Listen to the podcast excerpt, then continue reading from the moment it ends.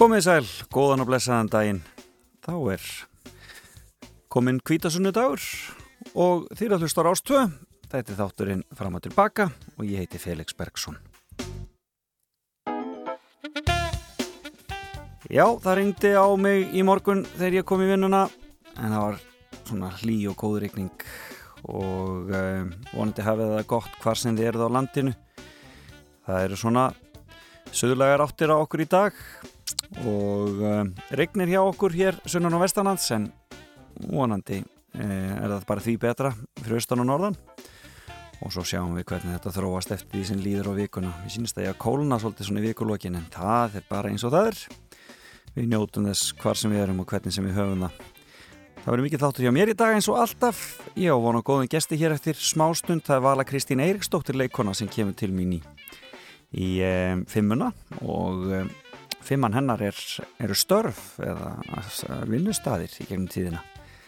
Það er gaman að heyri Völu Kristín og hún hefur vakið miklu aðtikli undarfæran ár fyrir ég bara frábæra, frábæra framistöðu frábæra leikona og skemmtilega í þáttunum um, um venjulega fólkið sem hefur verið síndir hjá símanum. Og svo hefur hún verið í svona sketsum og öðru slíku og svo hefur þetta leikona hjá borgarleikusinu En hún kemur hér eftir smástund og svo eftir nýju þá ætlum við að fagna henni Sigur Línu Rúlugardínu Nýlendínu Krúsimundu Efraimsdóttur Langsokk eða Línu Langsokk eins og hún er nú yfirleitt kölluð. Ég ætla að heyri Kristín Helgu Gunnarsdóttur Ríðtöfundi í tilvæmlega því að Lína Langsokkur varð 75 ára í vikunni og uh, hún hefur nú aldeilis haft mikil áhrif. Ekki segja hans ég hetja nokkar alla. Svo verður fréttageturinn á sínu stað og þar kennir nú margra grasa. Við ætlum að tala um ímislegt uh, skólaristi og einbróðsjóri í Ástralíu og ímislegt fleira. Nýja Netflix þætti og ég veit ekki hvað og hvað þannig að þið geti verið með í því og þar verða verðlaunin um, um, ferð í uh, Krauma sem er æðislegar laugar í borgarfyrði og uh, ég fekk nokkur gefabyrju til þess að gefa ykkur og þarna, sendi síðustu sigurvegurum gefabyrju í Krauma og þetta verða verðlaunin líka hjá okkur í dag. Þannig að e, það verður klukkan hálf tíu og svo ætlum við bara að hafa það hugulegt og hlusta skemmtilega tónlist. Og fyrsta lagdagsins eða lagdagsins er e, e, frá árinu 1963 en það er akkurat ár sem verður í tímaflakkinu með okkur Margréti Blöndal í dag. En ég valdi lag sem að heyrist ekki mjög oft með Raka Bjarna Það heitir Stavróf Ástarinnar og var þarna á tveggjalega plötu sem kom að út áður 63 og hitt lagið, eða svona aðalagið var Vertu sæl mín kæra.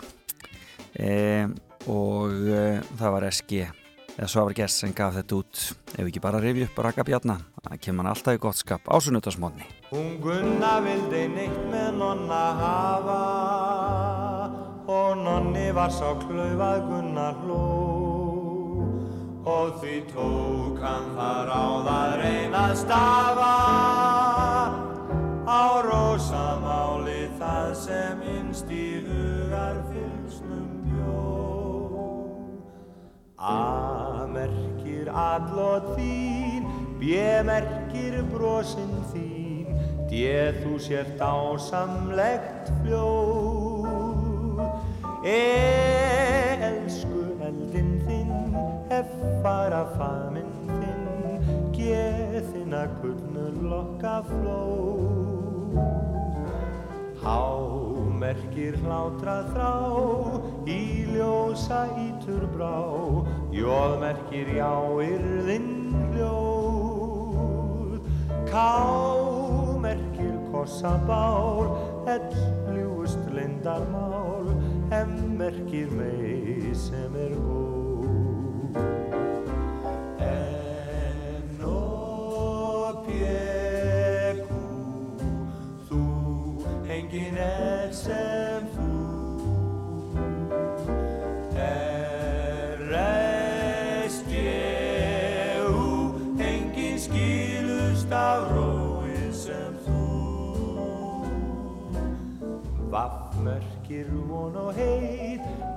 það sem engin veit Í seta þotnæ og ö Það mundi létta lund Ef læsum stund og stund allt stáróið saman við tvö.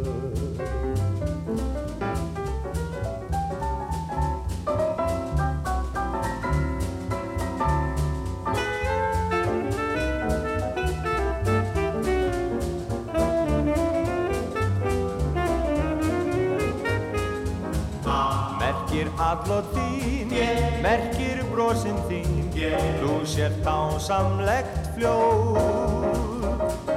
Elsku eldinn þinn, fara faðminn þinn, þinna gullur lokka flóð. Merkir hlátra þrá, ljósa ítur brá, merkir jáirðinn hljóð. Merkir kossabál, ljúust lindarmál, merkir mei sem er góð. En og pjeku, þú engin er sem þú. R-S-T-U, engin skilust af rói sem þú. Vaff merkir von og heit, Ekstað sem enginn veit Í seta þonna og öð Það létta lund Ef læsum stund og stund. Allt stáróið saman við tvö. Ef læsum stáróið saman við tvö. Já, svona á að gera þetta. Svona á að kenna stafrófið. Þetta var að sjálfsögðu stafróf ástarinnar. Og þarna var Ragnar Bjarnarsson ásand hljómsveit Sagaskess og þessi upptakar frá 1963 tekið upp í ríkisúttarpinu nema hvað, þetta var vel gert og það var Magnús Ingimarsson sem útsetti þetta erlenda lag og textin eftir Loft Guðmundsson. En hér eftir smástund þá er það vala Kristín Eiríksdóttir og fimmann hennar. Byrjum á Múkisson það er komið sumar og við ætlum að stinga af og það eru margir sem er að stinga af núna um helgina. En fariði varlega hvar sem þið eruð elskurnar. Við ætlum að koma heil heim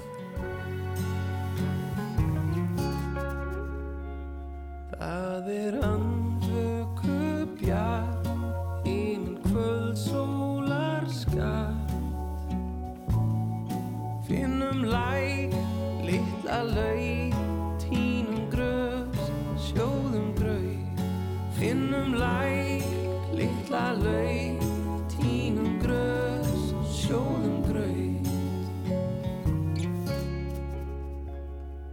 Finnum göldróttan hvað og fyndin sel í smáta Lækja nið, lítill foss, skeinu sá, mömmu koss Lækja nið, lítill foss, skeinu sá, mömmu koss Stingum að í speilsléttan fjör. Stingum að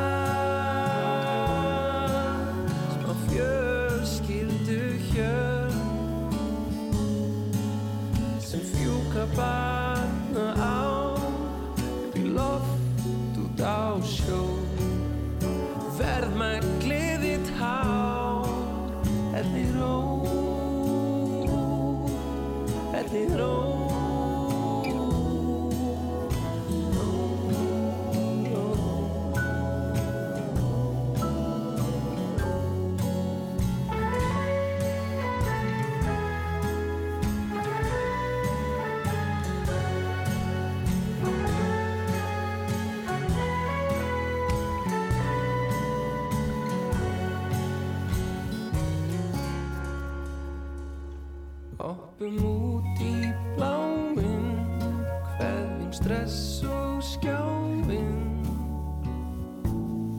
Syngjum lag, spilum spil Þá er gott að vera til. Syngjum lag, spilum spil Þá er gott að vera til. Tínum skeljar, fjallagrös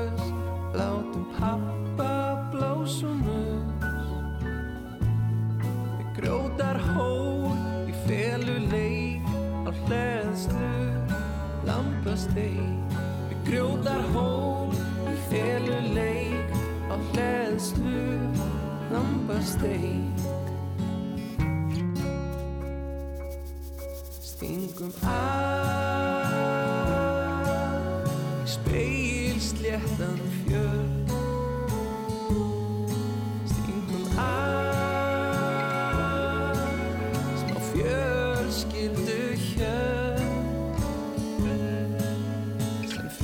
barna ár í loft út á sjó verð með gleðitt hár elli ró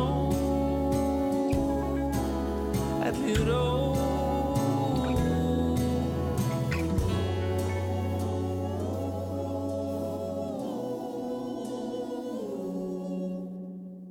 Og þá er viðmælandi dagsins mætt hér til mín.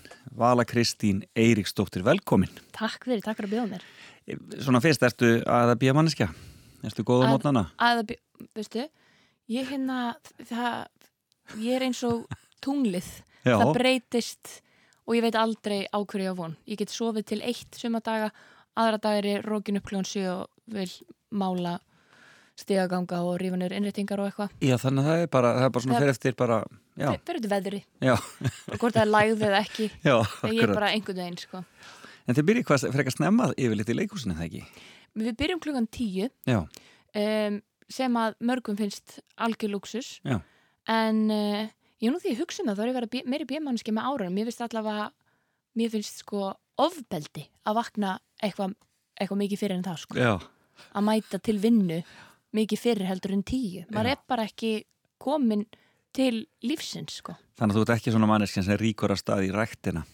nei ég hef reynda, guð mig góður hvað ég hef reynda uh, og mér líður alltaf ábærslega vel eftir á. Já. og um leiðu ég stíð út úr ræktinu og er mætt búin að fara í ræktinu áður en ég mæti vinnuna einmitt. þá líður mér eins og ég ætti að vera fórseti líðveldisins bara ægin og einhvern veginn og bara staðfestan er slík. Já, ættir að fá vel bara. ég ætti bara að fá velun alltaf og velunum mig, gerðan bara sjálf einhvern veginn. En, og hugsa alltaf, neða þetta ger ég alla daga. Já. svona ámar að lifa lífinu. Svo bara næsta morgun þá þarf ég að skafa mig upp á rúminu með kýttisbaða bara til að mæti vinnuna sko. þetta er allavega Svona er þetta. Hvað er þetta orðið mörg ár síðan þú útskrifaðist úr leiklistanámi? það var það fimm ár núna í Já, júni líður, tíminn rætt. tíminn líður mjög hratt Og þetta er búið að vera ævintira ferill, náttúrulega sjónvarpið líka tekið svolítið uh, þarna hugaðinn. Já, það hafi verið svona verið hérna til, ekki til hliðar, alls ekki, en það byrjaði sko á meðan ég var í skólanum. Já. Þá byrjaði þær tvær æfintýrið mikla Já, ok. og um, sem var síðan síðar að, uh, óbeint varð að venlu fólki. Já. Og já, þannig að það er alltaf svona tveir heimar sem að maður er að jögla ef ég má sletta. Akkurat. En svona, en, hefur grínið alltaf verið, hefur sótt í grínið alltaf, bara frá því að þú ert lítil stelpa eða svoleiðis? Já, Svona að vera trúðurinn. já, ég veit að, ég, ég veit ekki, ég, ég, jú, ég held að svari sé bara jú. Já. mér, mér er alltaf fundist gaman að fá fólk til að hlæja og hérna og það er líka kannski bara að því að það er svona það er, það er svo mælanlegur árangur á, á það sem er að gera Já, einmitt. það er instant, Fær maður hláturinn strax eða ekki? já þú, þú, getur, þú getur bara séð hvort þér takist ætlunverki eða ekki Já. Ég, annað kannski ert bara í hérna einhverju leiksýningu eða eitthvað sem er hádramatísk og það er þögn í salnum og annarkvort er fólk að hugsa hvað minn almáttur hvað þetta er leðilegt eða ég kem ekki upp orði, þetta er svo magna Já, og maður bara lappar út bara, ég veit ekki ég veit ekki hvað þetta stóð mig Já, það kannski kemur í klappinu í lokin. já, einmitt, Já, ekki nema að sé meðvirknisklapp. Já, eða meðvirknis, hérna, standing ovation. En maður vil taka því þannig. já, Heyrðu en, þú ert með fimmu.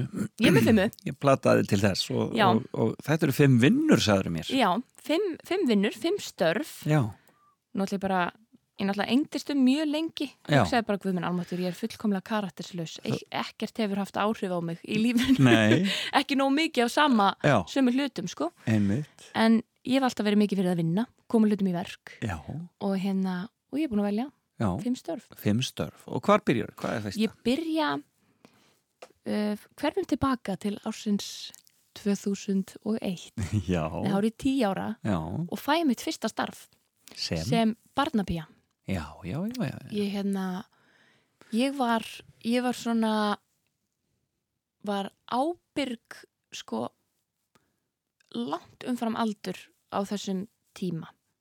Ég var rosalega ábyrg og ég gekk eins og lítill bæjafókiti um, um gödunar sem ég ólst upp í eða göduna göduna og hérna bara gekk í flasið á fóröldur og ungbönn og sagði góðan daginn, ég held að þú getur að mína, mína krafta. Já, og það var hann ein hérna dásanlega fjölskylda sem að bjó bara neyri gödunni og hérna og þú veist, þetta, kannski um sumar þá var maður einhvern veginn út að leika og Mhm. hérna og fór einhvern veginn að vera með, með hérna í þessu tilvíki þreymur litlum stelpum.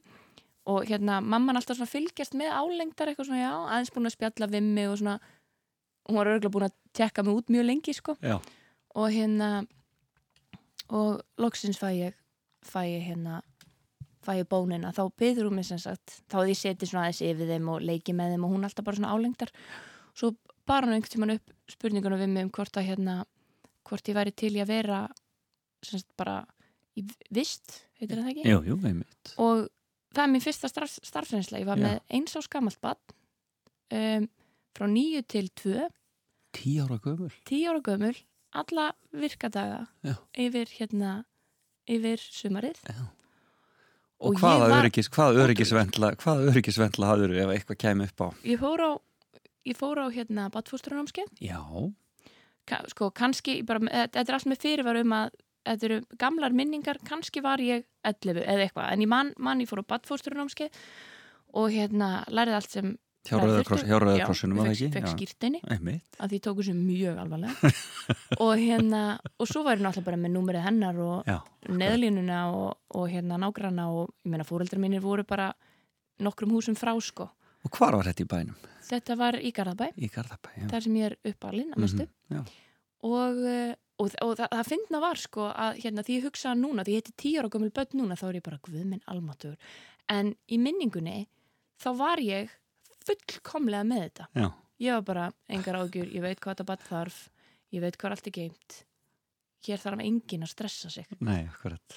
Og, og, og gengdir þessu starfi allt þetta sumar? ég bara, já og bara svo, svo ég var badfóstur í mörg, mörg ár, ég er Já. hókin á reynslu. Já, öll, öll, öll sumar eftir þetta í, Já og svo, svo var þetta var fjölskyldi með þrjár litla stelpur og svo hérna því ég var 12 ára þá hóf ég störf mín hjá fjölskyldi sem átti þrjár litla stráka. Já, og hérna um, já og þetta hafði áhrif með þýleitinu til að ég meina það er náttúrulega ekkert í heimi hér sem að er jafn mikil ábyrð og annast unga bönn annara já, og hérna náttúrulega kendi mann ímislegt um það og maður þurfti svona að finna að spi- spinna svolítið. Já, maður vissi ekki hvað hva Hvað væri þetta gera næst, já, einmitt. Um, og líka bara ég kynntist þessu fólki sem voru bara svona mínar aðrar fjölskyldur á þessum árum sko. Já, akkurat, þannig að dásanlegt þetta var dásalegt Og hvernig var að alast upp í Garðabæ? það var æðislegt. Mm það var bara hérna þú veist, einhvern veginn og aftur í minningunni þá þegar maður var bara orðið nógu gamalt til að einhvern veginn geta reist þessi brauð sjálfur og eitthvað þá sagði maður bara og allir minningarnar eru um sumar en þá Já. sagði maður bara, heyrðu ég farin Já. og hérna veist, og fór bara Já, og já. gerði sitt svo kom maður heim í kvöldmatt, svo ekki, hei ég ætla út á trampalín og þú veist, göturnar einhvern veginn auðar og engin umferð, mjög lítil umferð og lækur og tún og raun og það sem maður gætt bara einhvern veginn bara farið í æventýri sko. Og áttu sískinni Já, svona í kringu þig, sem ég á að- tvo eldri bræður Já, og voru þeir þurftu þeir að dandarast með þig eitthvað um, sjálfsagt svona sko, jújú, jú, bara en sko, þegar maður bara byrjaði grunnskóla þá var þetta svolítið bara komið sko. Já, þá var maður bara, heyrðu, ég er komin í fullarna manna tölu ég þarf ekki badfóstur og enda bara Og orðin sóttir þá ekkert sérstaklega í þeirra, í þeirra uh, félagskap nei sko, einn, el, elsti bróður minn er alveg nýja árum eldri skil. Þannig að við fórum alltaf á mis svona í þroska skeiðum Mhm. þó að mér hafði finnist hann snild og allt það svo í annar bróður sem var þremur árum eldri og þá, þá lendi mér í sko vorum, ég sá ekki sólina fyrir honum og hann hérna ekki sólina fyrir mér um eitthvað skeið svo, þú veist, þrjú ár eru rosalega mikið á ákveðnum tíma Mhm. þegar hann fer yfir í að vera úlingur og eitthvað Mhm. svona að hérna, og þá þá voru við sko óvinnir Já. Þótt alltaf mjög væntum hann en hann var óþjólandi, hún fannst ég óþjólandi ég vildi samt alltaf að hann accepteraði mig og leiði mér að hanga með vinum sínum Já. og hérna, og svo svo svona því ég kemst í mentaskóla þá erum við aftur bara, hvað ertu búin að vera þú ert snild og erum mjög góði vinnir í dag sko. Þetta er almennilegt. mm Þetta var semst fyrsta starfið, badfóstu starfið. Já, guð, Hvað er númið tvö? hvað er nummið tvö? Er ekki svona viðjandi að hafa þetta í nokkur skona tímar? Jú, það er eiginlega best. Heyrðu, Það er um, best. sko, eitthvað sem er svona þess þess verið að tala, ég náttúrulega passaði börn mjög lengi sko, Mhm. en næsta sem er eitthvað svona þess verið að tala um almennilega er hérna ég var uh, í mentaskóla Mhm. nei, ég var útskrifum mentaskóla ah, já, að hérna ég var runner ég var komin bílpró, endilega, já vann sérst ekkit frá 12 til 17 Nei, nei. Nei, en það er hérna, það er næsta sem stendur upp og ég var um, runner í fyrir, sem sagt í rauninni fyrir Latabæ, Já, já. Latabæ stúdíói Já, já. en ég var í rauninni að vinna fyrir verk, verkstæðið sem að smíðaði allt fyrir Já, fyrir leikmyndina Já, já. í. Latabæ og þá var vinnustæðurinn hérna upp í kartöflgeimslunum það var svona verkstæði það heit, heitir held ég eða hétt allavega bara verkstæðið Mhm. og þar var hérna meiri hlutunum til hérna menn sem unnu þar með hönnuðum og myndlistamennum og svona Mhm. og þetta voru bara, voru bara svona ekkert kjáftæði smiðir sem eru kannski að smíða þú veist bleikt einhvern veginn búbluhús fyrir latabæ Já, en eru bara grjótharðir að senda mann eftir einhverjum skrúum og einhverjum efnum og hérna Og það var semst hluterki að, að í rauninni að sendast fyrir þá eða, eða svona retta hlutum eða já, eitthvað. og Þannig að alltaf rönnir er einhvers konar rettari eða eitthvað. já, og hérna bíl, bílstjóri og, en ég hérna en þetta var það var hérna, já, svo var ég skuttla sko leikmunum og svoleiðis inn í stúdíó fyrir tökur, Já. en ég var stærsta hluta til var ég var verkefni þannig að það var, heyrðu, við erum að fara að smíða þetta, Mhm. okkur vantar eitthvað sem hefur þessa funksjón. Um, kostar ekki mikið meiri þetta það er að vera svona á litin það má ekki hérna það má ekki vera úr plasti þannig að þá loðir þessi tiltekna máling ekki við, þannig ég fekk svona ótrúlega díteleraðar hérna uh, leiðbyrningar Þannig að þú þekktur orðið bíkó og húsasmiðan alveg inn og út bara. eins og handabæki mitt og ég var bara, hæ félagi, heyrðu málaði þetta, þú veist, hérna eignaði svona alls konar vini með sérkunnáttu Já, einn skemmtilegt. og eitthvað skipti manni eftir að hérna, þau voru að smíða risastóra risaðilu Já. sem að manneski átt að komast inn í og geta stjórna og ég er að hérna sem sagt leitað mjög svona sértækum hlut um, fekk bónina okkur vantar 12 kúluliði Já. og ég bara kúluliði og þá eru já, hérna er hérna er, hérna er, hérna eru hjarir, þær, eru þær hérna beigjast svona en okkur vantar eitthvað sem að getur farið allan ringin. Mhm. Ég fer í alla búði sem er dettur í hug, ég er eitthvað kúluliður, hmm, ha eitthvað þetta á að vera sko riggjasúla inn í risaðilu. Allir náttúrulega bara um hvað að tala en leitin endaði á einhver verkstæði í Hafnafyrði sem ég trublaði einhvern mann, þetta voru svona bíla Mhm. kirkjugarður hálgerður og svona va- var að hluta hérna haugur. Einmitt, einmitt. og hérna þá hafði ég spurst fyrir og, og einhvern veginn endaði þar minningurum var hann svona þurrpusalegur og fúlindur og hann var einn einhvern veginn og í svona skítum vinnugala með kaffi og var eitthvað hvað hva, er að þér eitthvað og hérna það kemur í ljós að inn í inn í stýrum á bílum einhvers þar innra stýri eða Mhm. eitthvað eru kúluliðir Já.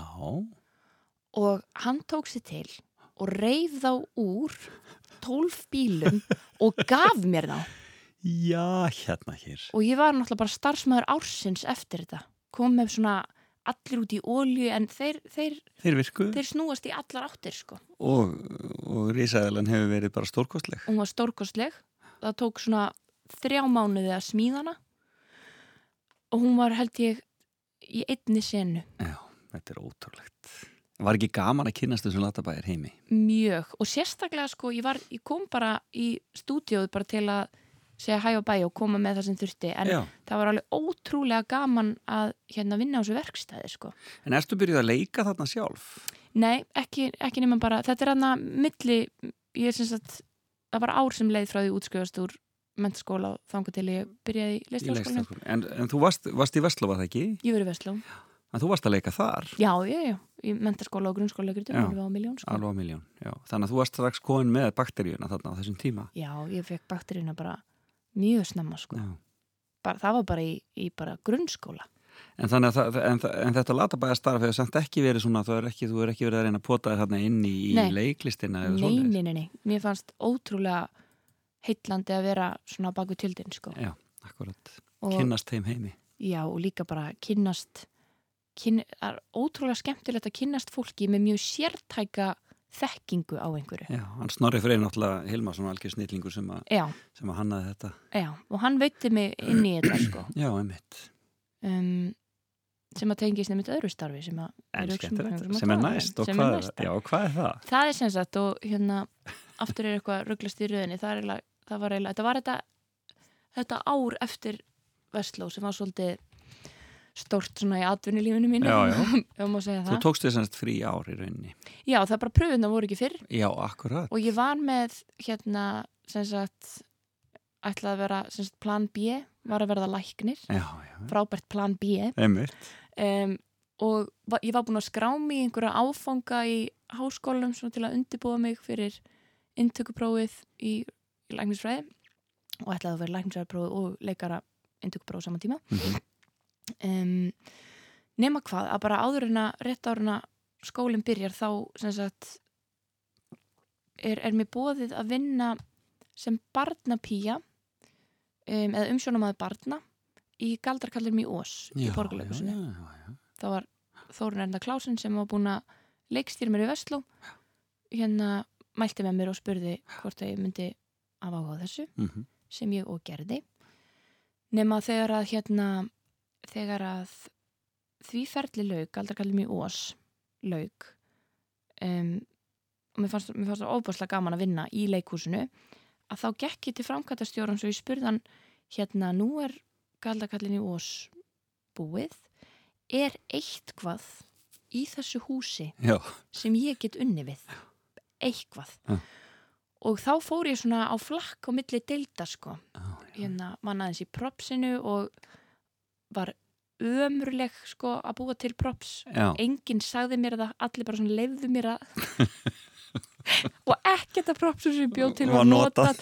en alltaf voða mikið, já þetta nú ég held að, þú prófa nú aðeins eitthvað og ég var held ég bara á launaskrá einhvern veginn að bara labba á milli að reyna að líma eitthvað saman og svo eitthvað, heyrði finnum eitthvað annað fyrir hana Og er þetta sem þriða starfi, bara starfsmaður borgarleikus eða hvað? Já, en þetta var, sem sagt, hérna, þetta var beint eftir Vestló og Já. svo liti það yfir í Látabæ í Ok. Svissaði, Ok, en sem sagt þar Snorri, Snorri Freyr, hann hannaði leikmyndina fyrir Ós einmitt. og hann var þarna í húsinu og ég kynntist honum í þessu og svo var hann oft sko eitthvað að vinna í öðrum verkum með og sá mig alltaf svona flakka á milli delta og einhvern tímann sati ég í móttökun og setti jólakort í umslög hæst ánægð. Og jólakort fyrir. Ég var bara farið mötuneyti ég var bara, ég var sko í skíunum, Já, sitja hérna bjöfúl góðan daginn, hleypaði minn, setja jólakort og akkurat. merkja. Og ég var bara ég er mikilvæg í Já. þessu leikhúsi. Komin heim, komin heim bara. komin heim.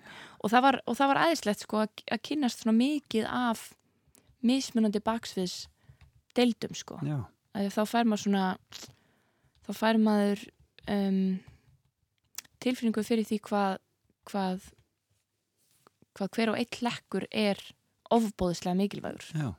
Þannig að það hefur verið gott þegar þú komst aftur það var mjög nokkrum árum síðar. Já, líka bara þekki andlita svona, það er Já, ég þið skingið. Heyrðu, við skulum taka okkur smá pásu. Þú ert Aðeinslegt. búin að velja lag. Ég var búin að velja lag E, það heitir Back Pocket. Geggjalag. Veistu eitthvað um þetta? Ekki mikið, nei Nei. Ég bara, vinnu minn síndi mér live útgáfu, þessu- útgáfu af þessu Já, og hérna, ég var bara ástfangin sko. skulum heyra.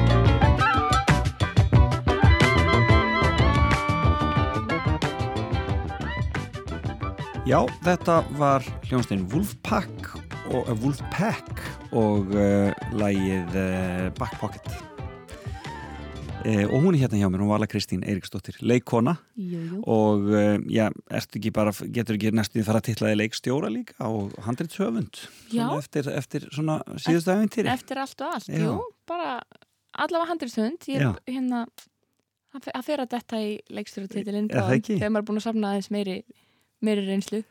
og það er starfsreynslan sem ert að safna. Hvað er fjórðastarfið sem þú ætlar að deila með okkur? Fjóruðastarfi er hérna, þá var ég að vinna á, uh, í leikhúshosteli. Já, sem heitir Fristiklefin já, já og er í rifi. Mm og maður segir vist í rifi, ekki á rifi. Það er Eh, algengum miskilningur Það er sagt í rifi, já. Já. Ég ætla að fara, fara þetta. Já, Fristiklefin í, rifi já. Á Snæfellsnesi á Snæfellsinsi og það er nú aldeilis frábær staður. Já, það var, er æðislegu staður Mhm. það kom þannig til að hérna, ég fór með Improv Ísland að sína þar fórum í svona leikferð Mhm. vorum að sína hérna spuna bara fyrir þá er þetta semst þannig að það eru hostelgestir og þeir sem að gista á þessu hosteli Mhm. fá bara bara innifalið í gistingunni er miði á þá viðburði sem eru í gangi hverju sinni. Skemmtilegt. ótrúlega skemmtilegt, ótrúlega sjarmirandi og skemmtilegu staður, bara síningarými inn af hostelinu. Já. og ég fer hérna að sína með nokkrum úr Improv Ísland og hérna og verð svona bergnumin af þessum stað. Og ég spyr eigandan bara hérna fyrirgeðum að má ég vera hérna? Já, um, og ég bara, ég þarf ekki vinnu sko eða þú veist, ég þarf, eða, jú, ég þarf- ég þarf ekki laun bara, þú ert örgulega búin að ráða starfsfólk hérna ég er bara, er, ég er ekki með neitt plan í, sumar má ég fara heim, sækja fötin mín og koma og vera hérna já. og ég skal bara vinna við það sem að þeir þurfið Já. og hérna sem var bara að og ég skrifaði nú leikrit þarna sem að sem í nýtti tíma og skrifaði leikrit sem ég síndi þar svo ári síðar en vinnan var í rauninni bara að vera hostelstarfsmæður og hérna aðstóða við hvert er verkefni sem kemur upp. Nema þetta var svona, þetta stað í mér sko vegna þess að þetta var svona drama árum það sem að vera hættur í einhverju sambandi og var eitthvað, "Ó, hvað er lífið? Og ég er búin að eitthvað, þú veist, Þetta er að renna frá mér. ég já bara öllu." ég er nú, að ég er hálfviti ég mun aldrei hérna, finna mér maka, þetta var svona svona dramaka, svona fjórar dramakast Já, um, og þann ég kem heim og ákveð þetta og pakki tösku og, og legg af stað í þetta í þessa pílagrims fyrir að finna út hver er ég eðimörku gangan. eðimörku gangan sko og hérna og morgunin sem ég lagði af stað. Var alveg svona þetta er ógíslega að finna að hugsa um að er maður svo tættur tilfinningarlega hérna horfði ég í speil já, sérst einhvern veginn fara úr borginni og flytja út á land og vera listamaður að hugsa og þrýfa eftir fólk og bara gerum þetta. Mm. horfði ég í speil og ég sagði stundarhátt við sjálfum mig. Vala Kristín í dag byrjar þú að reykja?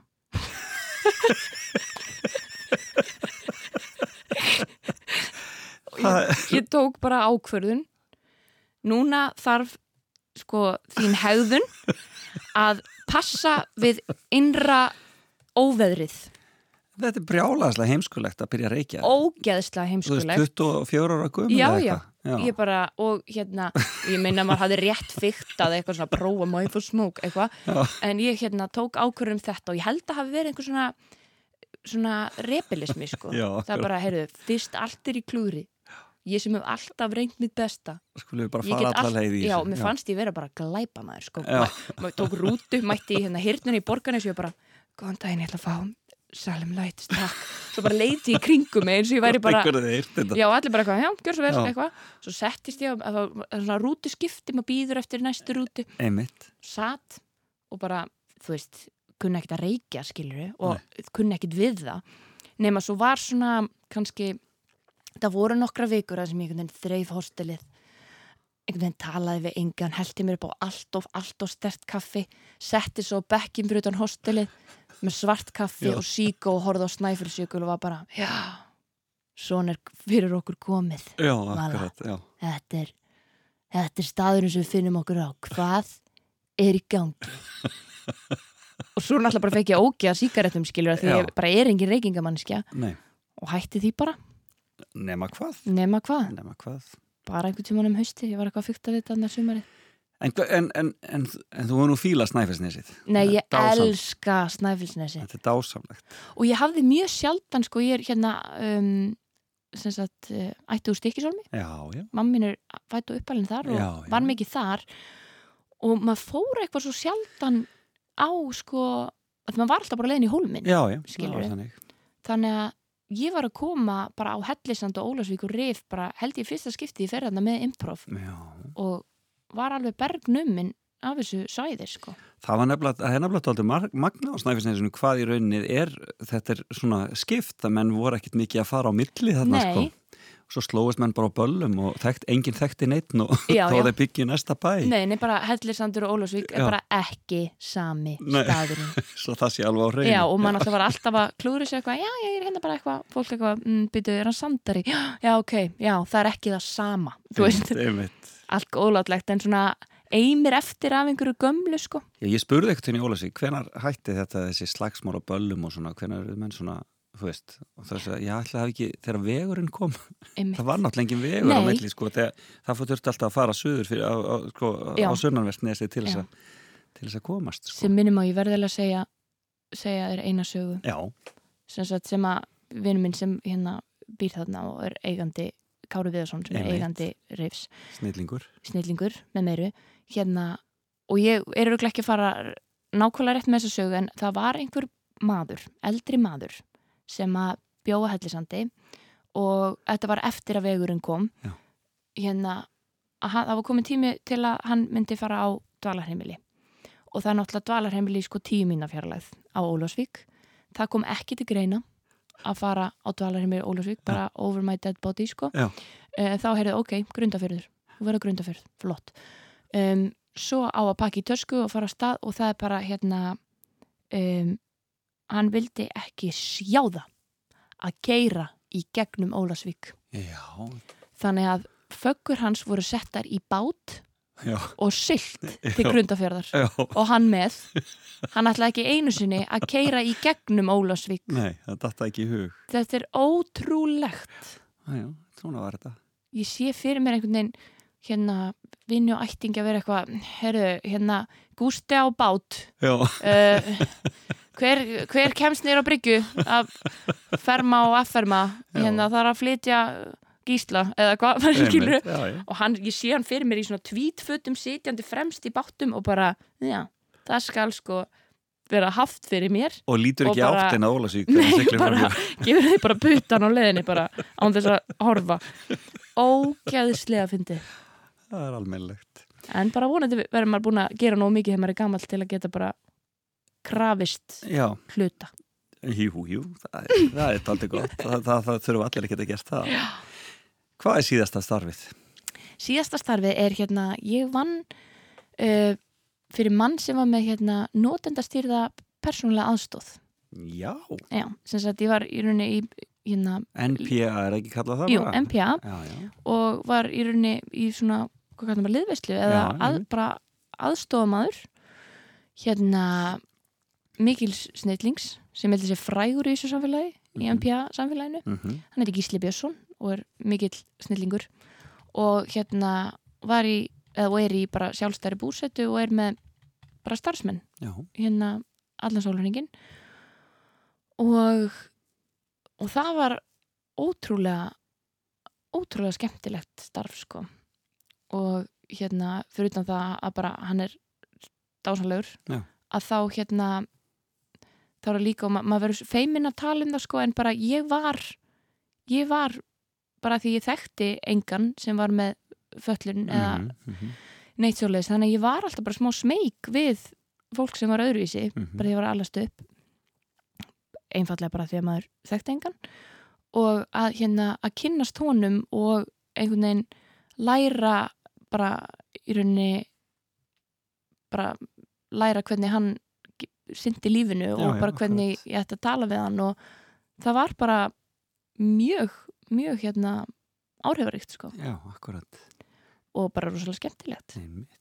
Og var þetta þá svona uh, fullstarfið eða var þetta sumarstarfið eða svoleiðis? Nei, þetta var svona hlutastarf bara með, með skóla Já. að hérna bara vaktir sko.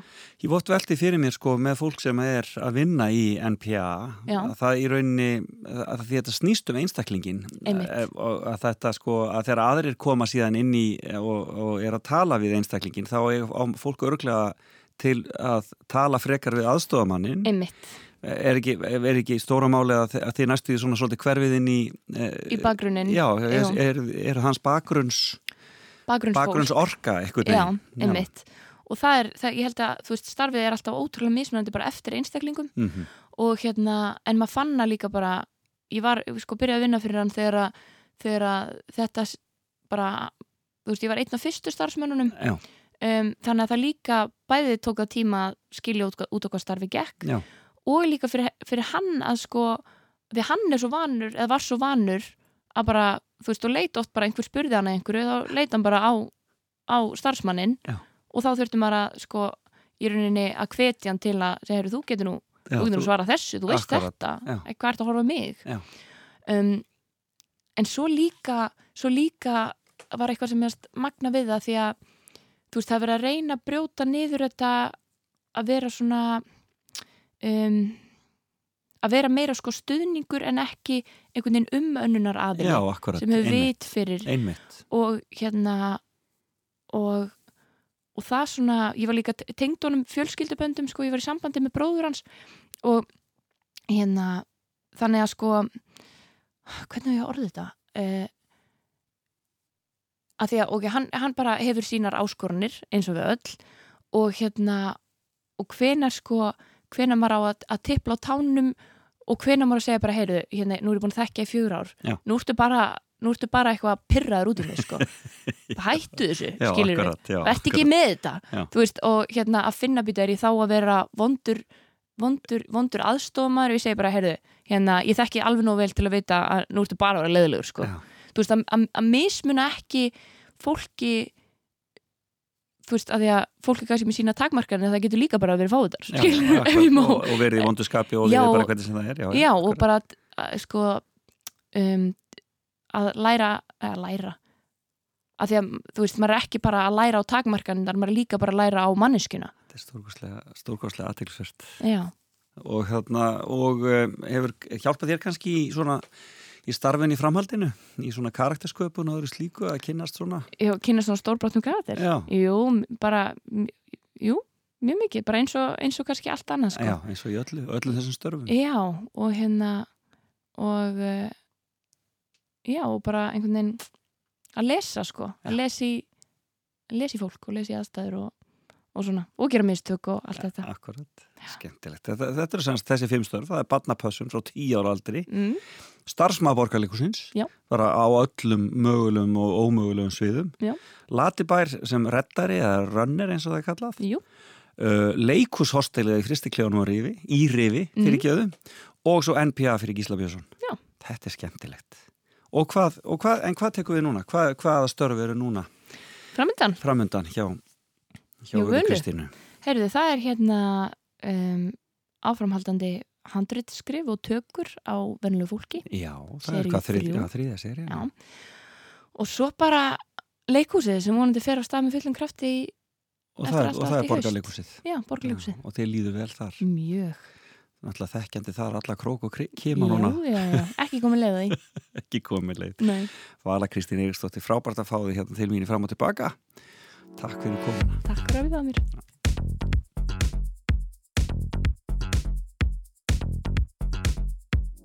Stuck at home right now, but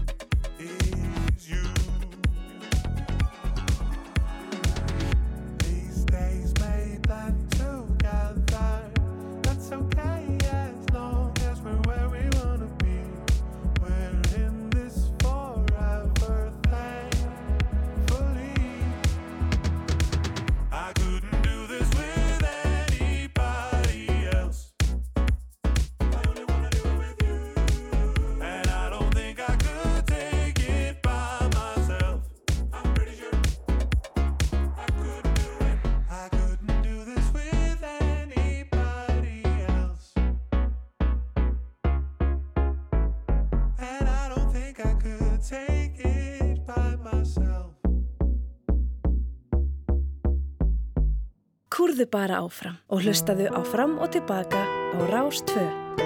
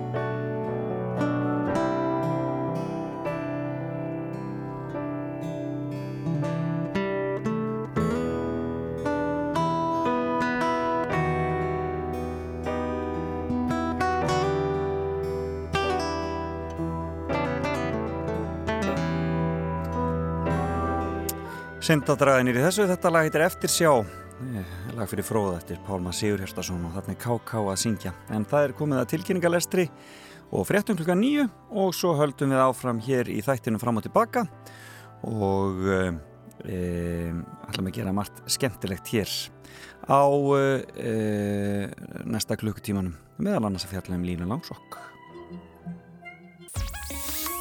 Rástfjörn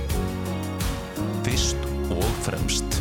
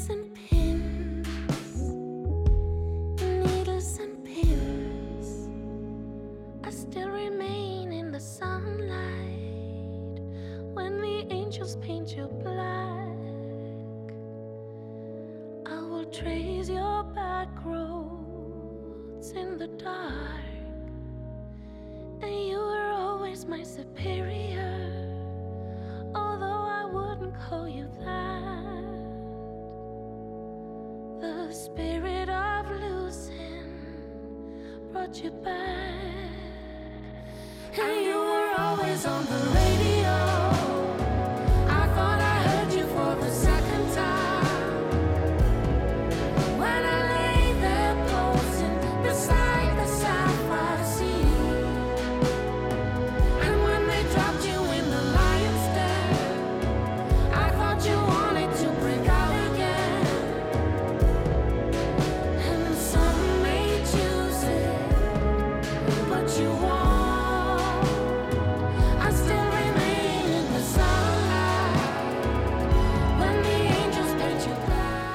Já, það er hreinlega rignir nýri íslenskri tónlist þessa dagana og eina af þessum uh, frábæru hljómsveitum sem er að senda ykkur frá sér og frábæru listamönnum er uh, hljómsveitin Hjaltalín og þetta er nýja lagi þeirra sem heitir and Pins. Já, komið sæláttur þér að hlusta ára ás 2, ég heiti Felix Bergsson og þetta er þátturinn fram og tilbaka og hér á fyrir klukkutífani hjá mér var hún vala Kristín Eiríksdóttir. Hún er farin á dyr en hún var með okkur í fimmunni og talaði um fimm störf sem hún hefur gengt í gegnum tíðina. Og þar kendi nú margra grasa, hún var í, í badnapössun uh, þar á tíu ára aldri, svo var hún að vinna hjá borgarleikursunni, hún var uh, sem svona allskins, alls, alls konar, alls konar uh, manneskja, allt múli mann og svo var hún í Latabæ að retta hlutum, hún var að vinna í fristeklifanum í Rifi og svo var hún e, í svona notendastýri þjónustu að aðstóða e, fatlaðan mann. Þannig að hún hefur víða komið við og sagði skemmtilega frá því eins og alltaf frábær hún Vala Kristín, gaman að fylgjast með henni. En hér eftir smá stund ætlum við að aðeins að rappa um línu langs og ætla að ringja henni Kristín Helga Gunnarsdóttur og svo er að fréttageturinn sem verður á sínum stað og þá getið þið ringt í mig og reynda að vinna ykkur en gjafabrjöf í Krauma. eh, sem er í borgarfyrðinu það er staðsett skamt frá deildatungu hver. Og eh, þangaði dásanlegt að koma. Og eh, ég vissum að margir og ég finna að margir eru komin að stað núna um helgina. Ég er búin að fyrir á Suðurlandi og það var gríðarlega mikið lögumferð og mikið af fólki á ferðinni. Eh, greinilegt að fólk er alveg til í að byrja að hreyfa sig aðeins og njóta þess að ferðast innanlands. Já, við getum minnst ekki farið til Mile End enn sem komið er en það er auðvitað í London og hér syngur Pulp nákvæmum það We didn't have nowhere to live. We didn't have nowhere to go. Till someone said, I know this place off Burnett Road. It was on the 15th floor. It had a board across the door. It took an hour to price it off and get inside.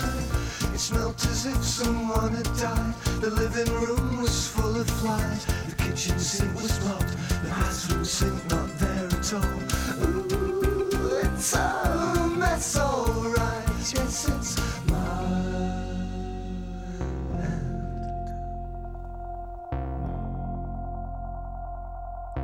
And now we're living in the sky. I never thought I'd live so high, just like heaven. If it didn't look like hell, the lift is always full of piss. The fifth floor landing smells of fish. Not just on Friday, every single other day. Below the kids come out tonight. They kick a ball and have a fight. And maybe shoot somebody if they lose a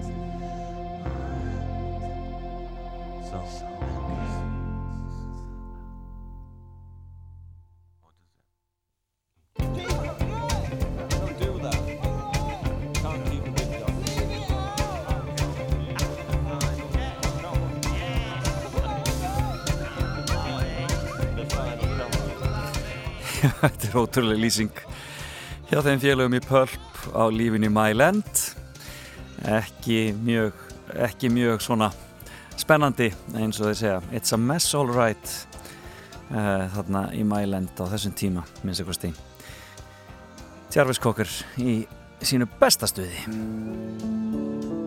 Kúrðu bara áfram og hlustaðu áfram og tilbaka á Rás 2. Ef ekki að fara að kíkja á þetta með Línu Langsokk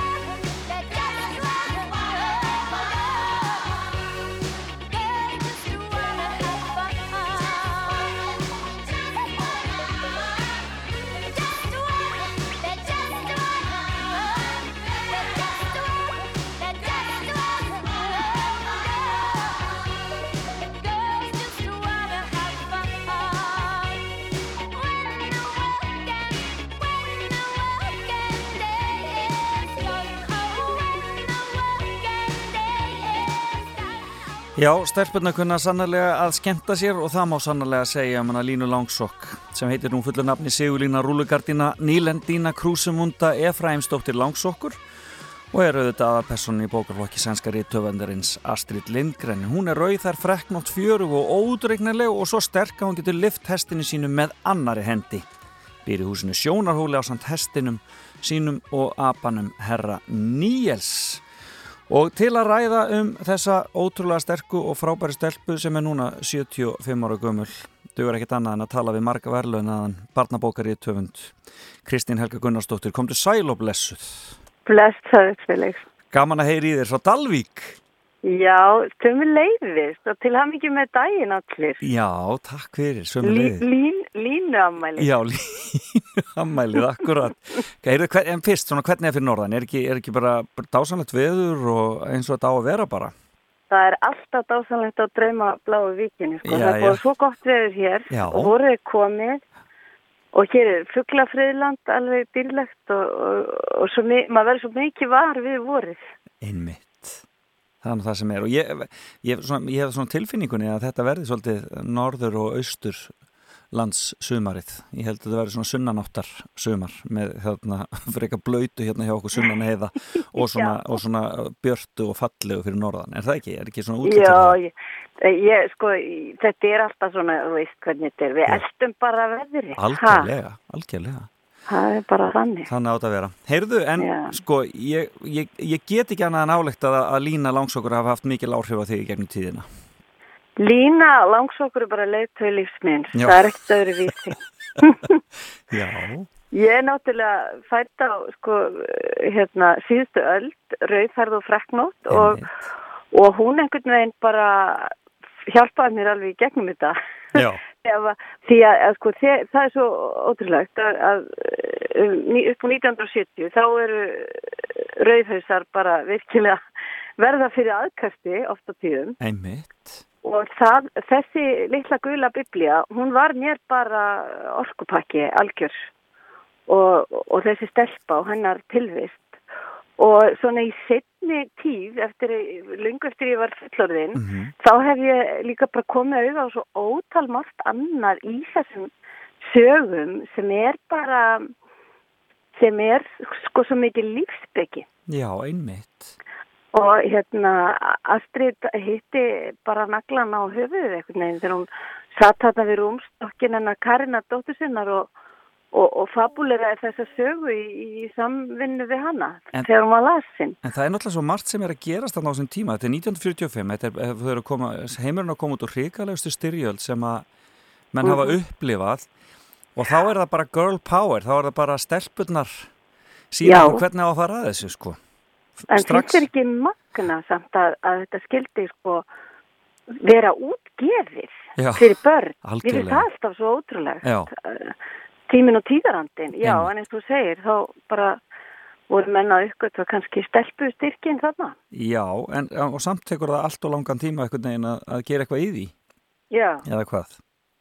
ég sko, auðvitað vegna þess að- henni var ekkit vel tekið allstað, línu, sko. nei, nei. Og, en, en magna hvað svíjar grípana strax, ég held að hann hafi selst í einhverjum 300.000 eintökum þarna þegar að sko, Þegar hún loksins vekk gefin út, sko, það, var, já, það tók já. smá tíma, sko. Að, það tók smá tíma og rittskoðun örlittla. Já, já, akkurat. Já, ég held að það var ekki annað að þriðja forlega sem að greip hana og, og, og gaf hana út og, og eftir það er hún svona bara sprenging fyrir, fyrir svíja en svo aftur þá ég einhvers staðar að frakkar hefði ekkert, ekkert tekið henni sérstaklega vel og hún hefði verið rittskoðu svo svakalega þar að henni hefði verið breytt í uh, unga og prúða og dannaða stúlku Já, sem, og, af því að frökkum þóttu svo ótrúlegt hún geti lift hestinum sínum þá breyttu þeir hestinum í smáhest og, og þetta fór nú ekki vel ofan í höfundin Nei. og Astrid baða á endilega að senda sér ljósmynd af fransku barni að lifta smáhesti þannig að já, hún var að leggja áherslu á þetta væri fantasía. já, Stórkostlega skemmtilegt. En, en já, það, hún var já, það tók ára tíjaðan um að gefin út, sko, ómenguð í Fraklandi, skilst mér. já ég, ég held að það verið 95 Já, það er bara svoleiðis. 1995. Já, það er Já. bara svoleiðis. Þetta er, þetta er ótrúlegt. En hún er, hún er sko, hún er, það er svo margt sem að Lína segir okkur. Hún segir okkur já, þetta, stelpur eru sterkar og Mhm. geta verið sterkastar. Mhm. Og líka þetta sko að krakkar eru úrraðgóðir og duglegir og foreldrar og fullorðnir geta verið óttalega vittlusir. Já, akkurat. Og, og þetta hefur verið alveg óbúslega nýrs sannleikur kannski svona sem mátti segja ofinberlega á þessum tíma en en ofbúslega stert haldreipi fyrir börn í, í margvíslegum aðstæðum innan um alls konar fullorðið fólk sem veldur ekki alveg veröldinni. Já, akkurat. Og einmitt, og, já, og, og, og, og þetta með krafta jötna, þeir eru ekki endilega sterkastir og það er jafnvel þetta kollvarpa sterkasta mann í heimi. Þannig að hann liggi bara aðvelta, eins og grís. já. Og svo var þetta með peningana sko, með kistuna. Það gerði, nú- nú mikið grínaði hérna, í, hérna til sammans, mann stætti þeirri bíómynd hérna sænsku, Já. þar sem þau voru í kommununni og þarna harðbönnuðu börnunum sínum að lesa línu langsóknar því hún var svo mikill kapitalisti að því hún átti svo mikið pening. Já, En það var þetta sko að peningar er þú veist peningar er ekki vandamál, peningar eru bara eitthvað sem að við, þarna, sem hjálpar okkur að, en, en þetta er ekki svona stóramálið. já, það er nefnilega ótrúlega skemmtilegt. Við þá línu til peninga, hún er á þennan fjársjóð þannig, þessa kistu, fulla gullpenningum, en hún er alls ekkert upptekinn af honum. Hún gætir hann samt vel. Já, já, En, en peningar fyrir henni er meira svona eh, líka bara eins og dót til að drepa tíman eins og þegar hún situr ein á kvöldin á eldurskólfinu og er að tellja peningana.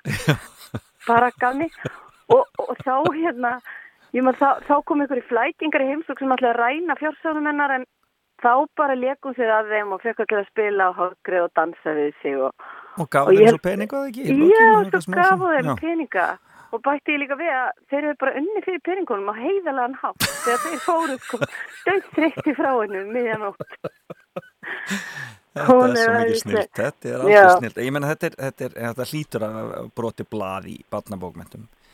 gerði það algjör bylting þetta er bara eins og byllarnir í tónlistinni. Já, einmitt. að Lína kemur þarna og, og, þeitir öllu upp í loft sko. og, og Astrid sagði sjálf eh, þegar maður í eitthvað tíman að, hvað hún var að hugsa þegar hún bjóti Línu og, og þróaði hana þá sá hún að þetta hefði kannski verið eh, svona barnsleg þrá hennar eftir mannesku sem hefur völd en misnotar þau ekki. Það svolítið fallega sagt. Já, einmitt. Og það er líka svolítið grundtótnin í línu og líka Ronju auðvitað og, og, og það er þetta frelsi sem er náttúrulega alltaf fyrsta og stóra stó, stóra orkan í, í bókunum en aðstrita, það er Mm. frelsið. Svo er það líka hugrekki og hugsun, að setja alltaf hugsun í, í frelsið og hugrekkið. Þá gerist svo margt. Mér finnst þetta vera alltaf það ég tek með mér frá línu Já. og svo mörg öðru sem Astrid hefur gert sko. og Astrid hún skrifaði nú sjálf á ég lega að heyra hún, hún skrifaði hérna lítið spjall til barnabókahöfund Mm og ég hef nú notað þetta stundum í kennslu hún, hún, hún er að reyna að gefa manneski ráð sem að skrifa barnabók Mhm. og hún segir hérna uh, láttu mömmuna vera fráskilda og best ef hún starfar við pípulagnir. Kjarnælisfræðingur geti líka gengið en aðalatri er að láta hana ekki leggja stund á hanniðir og vera indæla.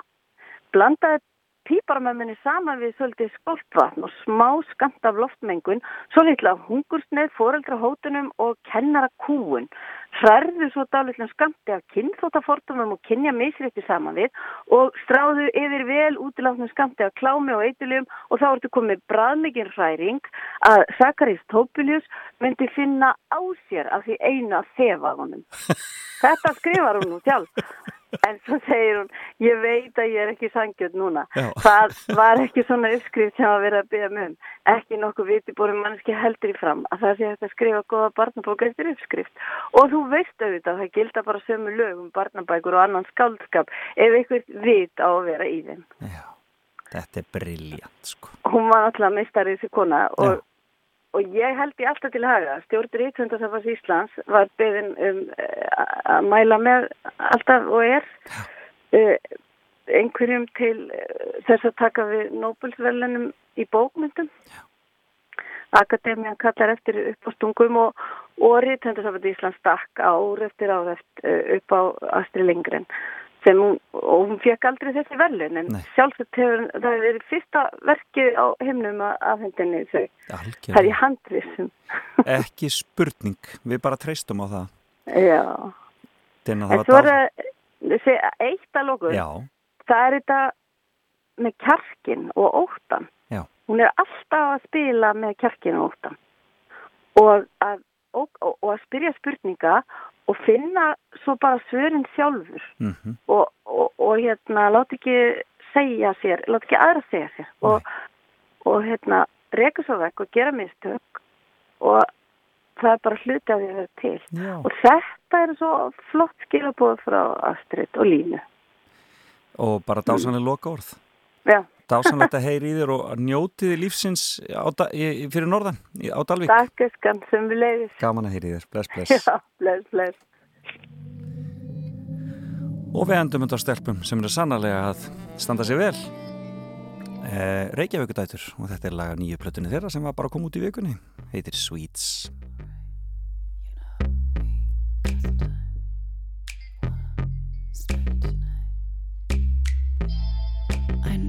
might be late, but I've got feelings too.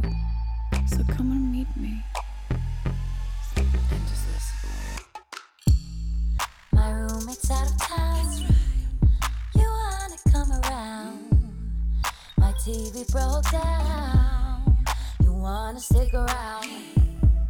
My roommate's out of town.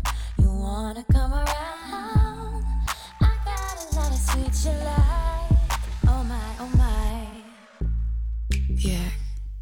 Og þú, sigaretta og hengirúm Er þetta læt í bænum? Ég það er mjög fullt tungli Ég er meir í stuði fyrir fiski, glas og pínu kúri Segir allt um margt, talar allt og hratt ey.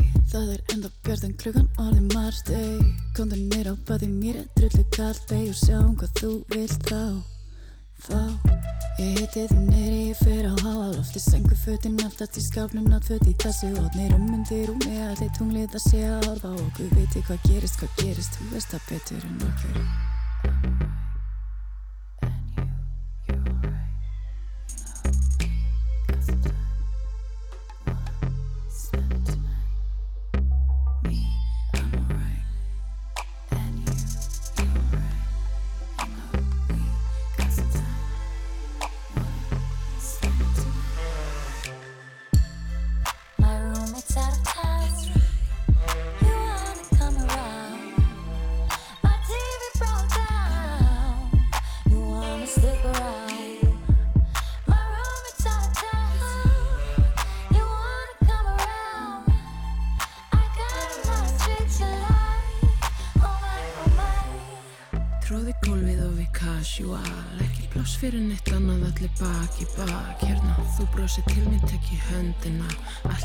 þig á eftir mér eitthvað annað að vera. Munu spyrja hvað þú heitir. Betra að vita þó við höfum slepp fyrsta deiti. Eitthvað við tróðningin tekur hittan og annars til langar að láta snerta mig og hér er þú.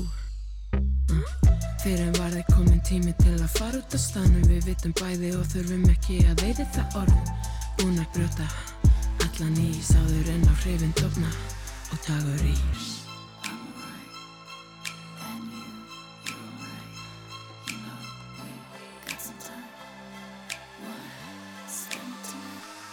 Sett meira bensín á eldin, smí mér undir fellin Vef mig alla inn í satin, silki drái bara vera þín. Þú og ég og snáka vín í berlin, kerti friði vín Jarðaberir á fljóandi deppir, þú minn Aladín Allt í móðu heiti sviti, þvali líka mar og skýri liti Draumur eða tal sem byði um að klípa mig. Stórar hendur, ég vil meira, ekki hætta, ég vil meira, meira, meira og meira Ég vil bara vera þín. My roommate's out of town. TV broke down. You wanna stick around? Oh.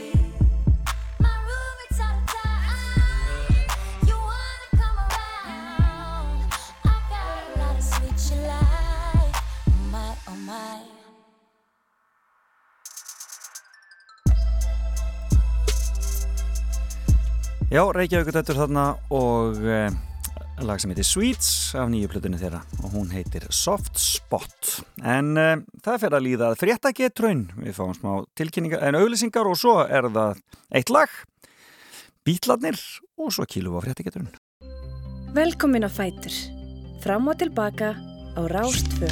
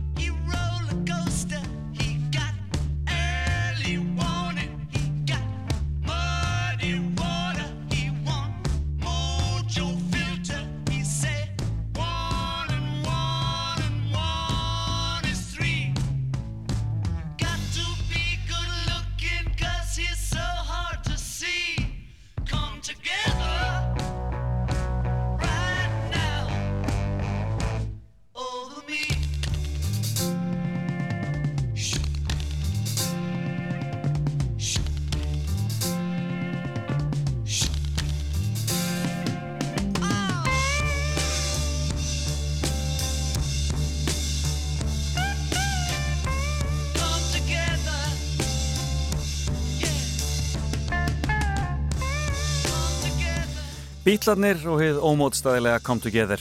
En þá er ég búin að opna fyrir síman 5687 123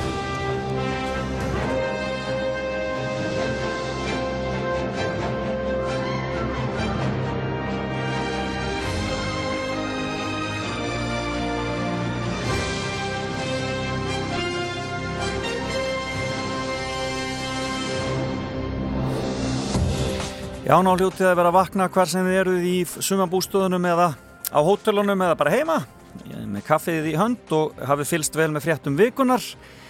Við erum með glæsileg velun í fréttageturinn í dag. Það er gjafabref í laugar, gufuböð og kvíldarherbyggi Krauma. Aðgangu fyrir tvo. Þetta er náttúrulega í borgarfyrirum. Við deilda tungu hver. Og e, alla línur byrjar að loga þannig að menn eru greinilega tilbúinir í þetta. Þannig að, e, já, ég vil ekki bara kýla á þetta. Fréttageturinn dagsins.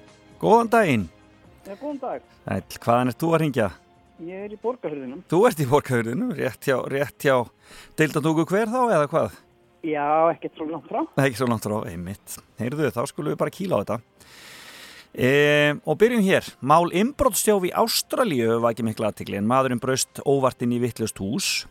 Hann var þegar tilkom ekki þjófur, heldur pantaður af húsráðandi í ákveðnum tilgangi. Og hvað var það sem hann átti að gera við sofandi fórnalampið? Hann átti eitthvað að klappa honum og vera góður það. Já, ég vil fá þetta aðeins nákvæmar. Það var svo ákveðin, svona, það var ákveðin aðgerð sem átti að fara þarna fram. Hvað átti hann að gera við eitthvað, Já, hvað segið þið þarna? Eru menn með þetta? nei, hann átti, bara að hafa með eitthvað Hann átti að kleppa honum, já. húst og ætlaði eitthvað að ræna hann þá. Já, nú er þetta er orðið, já, þetta er nú aðeins svona, þarna, að fara það nálgast þarna hjá þér. Hvað sagður þið? Þú já, vi- maðurinn var fluttur og hann fór í vittlust hús og var húst og að ræna hann. Já, já, já, það, æ, ég, ég geði rétt fyrir þetta. Það var þetta með kústin sem ég vantaði, sko. Hann átti semst að strjúkonum með þessum kústi, sko. Já, ég klappa honum. Klappunum með kústinum.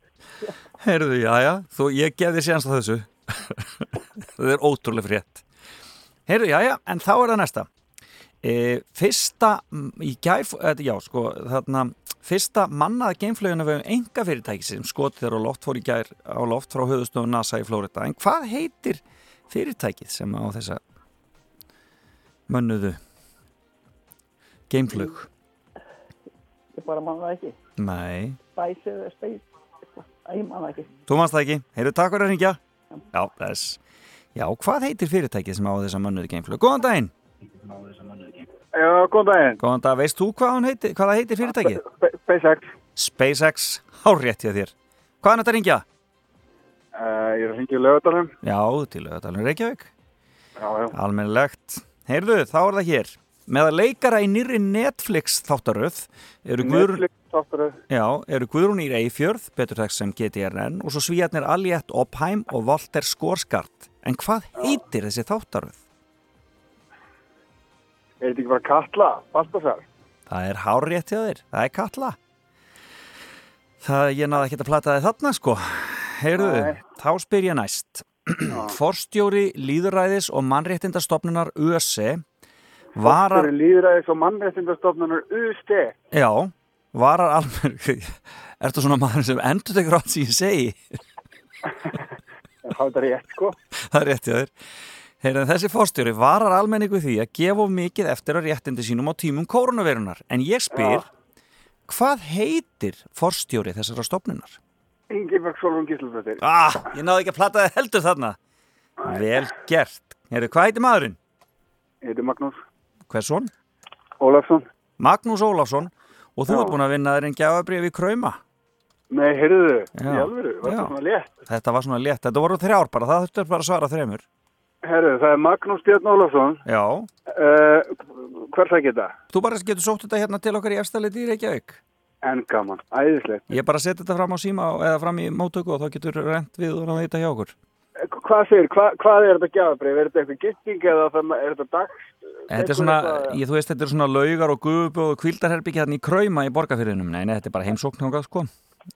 En þú máttu örgulega, máttu örgulega gista þetta einhvers þar á svæðinu og hafa það hugulegt, sko. Nota gjafabrifi frá Bjarnabén bara. Já, Það Bjarnasplæsa. heyrðu, frábært, heyrðu. Njóttu vel og, þarna, og njóttu helgarinnar. Takk fyrir að ringja. Takk fyrir Já, sömuleiðis. Já, bless, bless. Já, Magnús Björn Ólason, hann tók þetta bara 1, 2 og 3 og ég átti fullt af spurningum hérna eftir sko, ég átti eftir að spyrja ykkur um Kára Stefánsson og Hótel Sögu og, og Norðurlöndin og eitthvað svona ég kannski bara seti inn á neti hérna inn á Facebook hvaða spurningar voru hérna í undir hjá mér í fyrirtækjutunni svo þið sjáu hvernig þetta var en, en það var semst hann Magnús Björn Ólason sem kláraði þetta með tilþrifum. Góðan daginn. Og þá er Jón Jónsson. dýrka mest.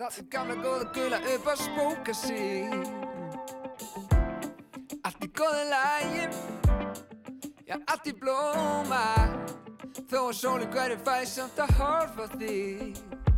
Þú ert þó að finna leið. Ó, ég finna leið Bara líður alltaf vel. Þegar ég er með þér. Ég dýrka þegar sólinn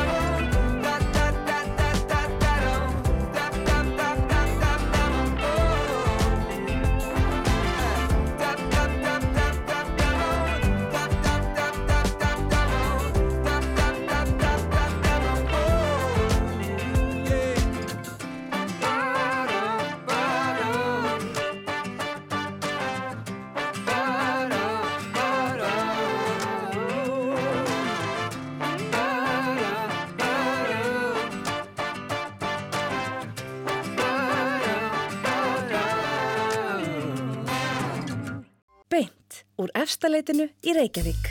Fram og tilbaka á Rástfö.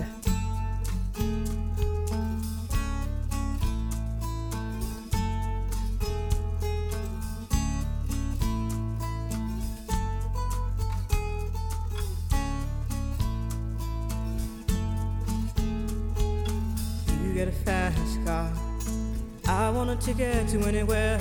Maybe we make a deal. Maybe together we can get somewhere. Any place is better. Starting from zero, got nothing to lose. Maybe we'll make something. Me, myself, I got nothing to prove.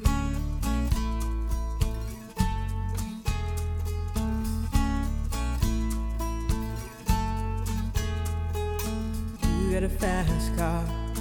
I got a plan to get us out of here. Been working at the convenience store. Managed to save just a little bit of money. Won't have to drive too far. Just cross the border and into the city. You and I can both get jobs and finally see what it means to be living.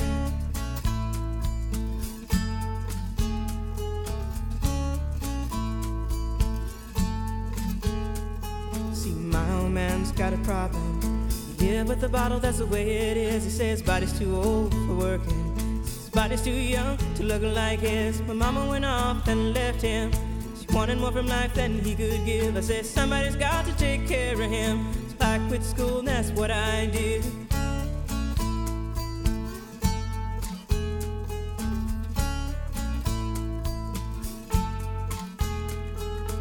You got a fast car. Is it fast enough so we can fly away? We gotta make a decision. Leave tonight or live and die this way.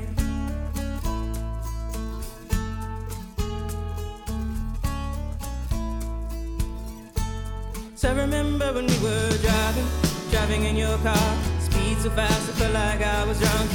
City lights day out before us, and your arm felt nice wrapped around my shoulder. And I, I had a feeling that I belonged. I, I had a feeling I could be someone, be someone, be someone.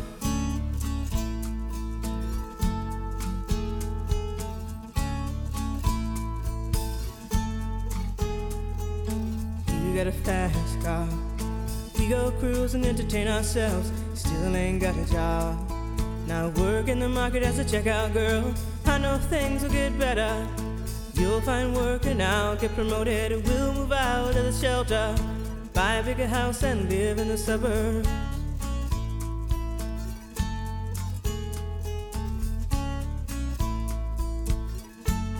So I remember when we were driving, driving in your car. So fast, it felt like I was drunk.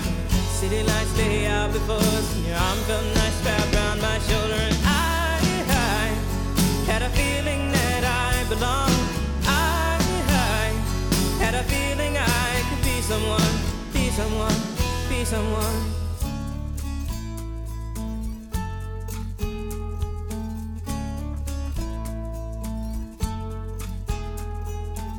You got a fast car. I got a job that pays all our bills. Instead of drinking late at the bar, see more your friends than you do your kids. I'd always hope for better. Thought maybe together you and me find it. I got no plans, I ain't going nowhere. Take your fast car and keep on driving.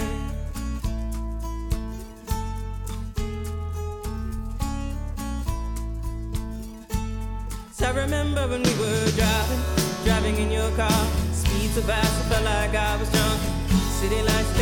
before and your arm felt nice wrapped around my shoulder. And I, I had a feeling that I belonged. I, I had a feeling I could be someone, be someone, be someone.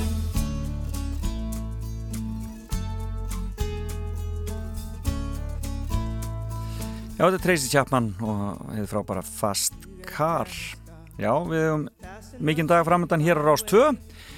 Hvað sem þið eruð, gott kannski að vera með okkur í dag held ég. Ekki spurning, Jón Ólásson kemur hér klukkan 10 og mér sýnist að vínill dagsins ég hvorki meirinni minna en eh, mannakott.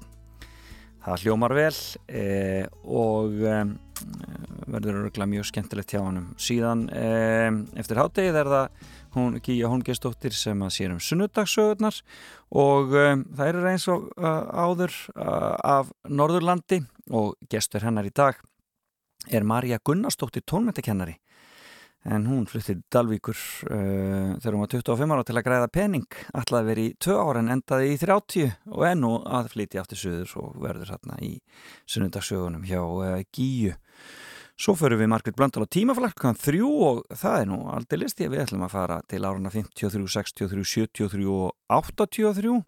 Heyrum til dæmis að nýri stjórnarskrá Dana þarna 1953 og embættistöku Elisabethar Annarar í Breitlandi, heimsókn Nixon og Pompidou eh, til Íslands og svo er Kissinger að ræða heimsmálinn við magadansmæri Teheran og svo kemur Viktor Borge aðeins við sögu og svo er náttúrulega fullt af skemmtilegri tónlist. Síðan er það auðvitað Rokklandið hjá Óla Palla klukkan fjögur. Jájá. Fullt í gangi hjá okkur á Rástvö, verið með okkur áfram og já, njótiði þess að vera hvar sem þið eruð, njóta útiveru og njóta sumarsins. Hér eru dykta og akustíska útgáfan af Breaking the Waves. Hljómar ekkert neði svona.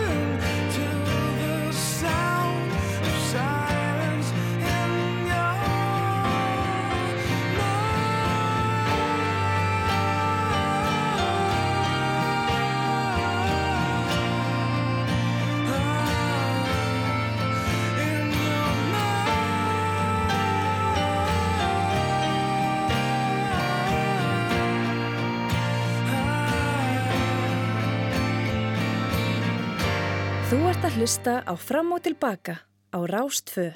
Look for the good in everything.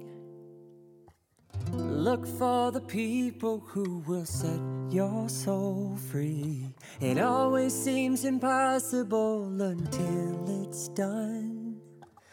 Look for the good in everyone. People done gone crazy. People done gone mad. People done forgot the superpowers we all have. We were born to love, not hate. We can decide our fate and look for the good in everyone and celebrate all our mistakes if there's a silver lining. You still have to find it, find it, find it. Look for the good in Look for the people who will set your soul free. It always seems impossible until it's done. Look for the good in everyone. Everyone needs sunshine. Everyone needs rain. Everyone is carrying around some kind of pain.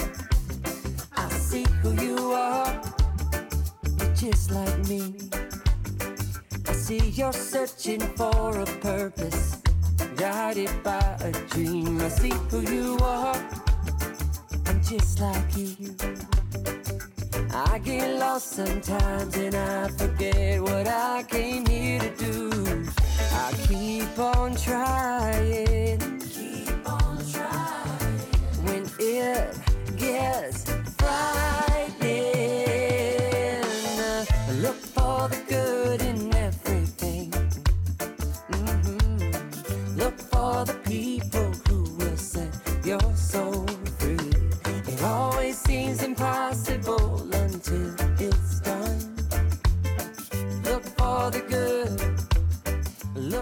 Já, þetta eru góð skilabóð að lokum. Í þessum þætti Look for the good Leitum að því góða í öllum og öllu. Og þetta var síðasta lagi hjá mér í dag. Ég þakka viðmælendum mínum frábærum. Eh, henni Dinnu, Kristína Helga Gunnarsdóttur sem ég við heyrum í frá Dalvík og vissi allt um Línu Langsokk sem að fagna nú 75 ára amæli um þessar myndir eh, eða réttar sagt sögurnan kom út fyrir 75 áran síðan. Lína verður alltaf 10 ára, það er alveg þannig Já, kannski svolítið frek 10 ára, er það þannig? Nei, við skulum láta það líka með til hluta og svo var það hún Vala Kristín eh, Eiríksdóttir sem var hjá mér í fimmunni og stór skemmtilega vanda. Gaman að heyri henni líka og uh, þakka ykkur fyrir sem hringdu í fréttageturina ég verð hér að sjálfsögða mínu stað eftir viku en Jón Ólafsson tekur hér við. En takk fyrir í dag og heyrumst eftir viku. Bless bless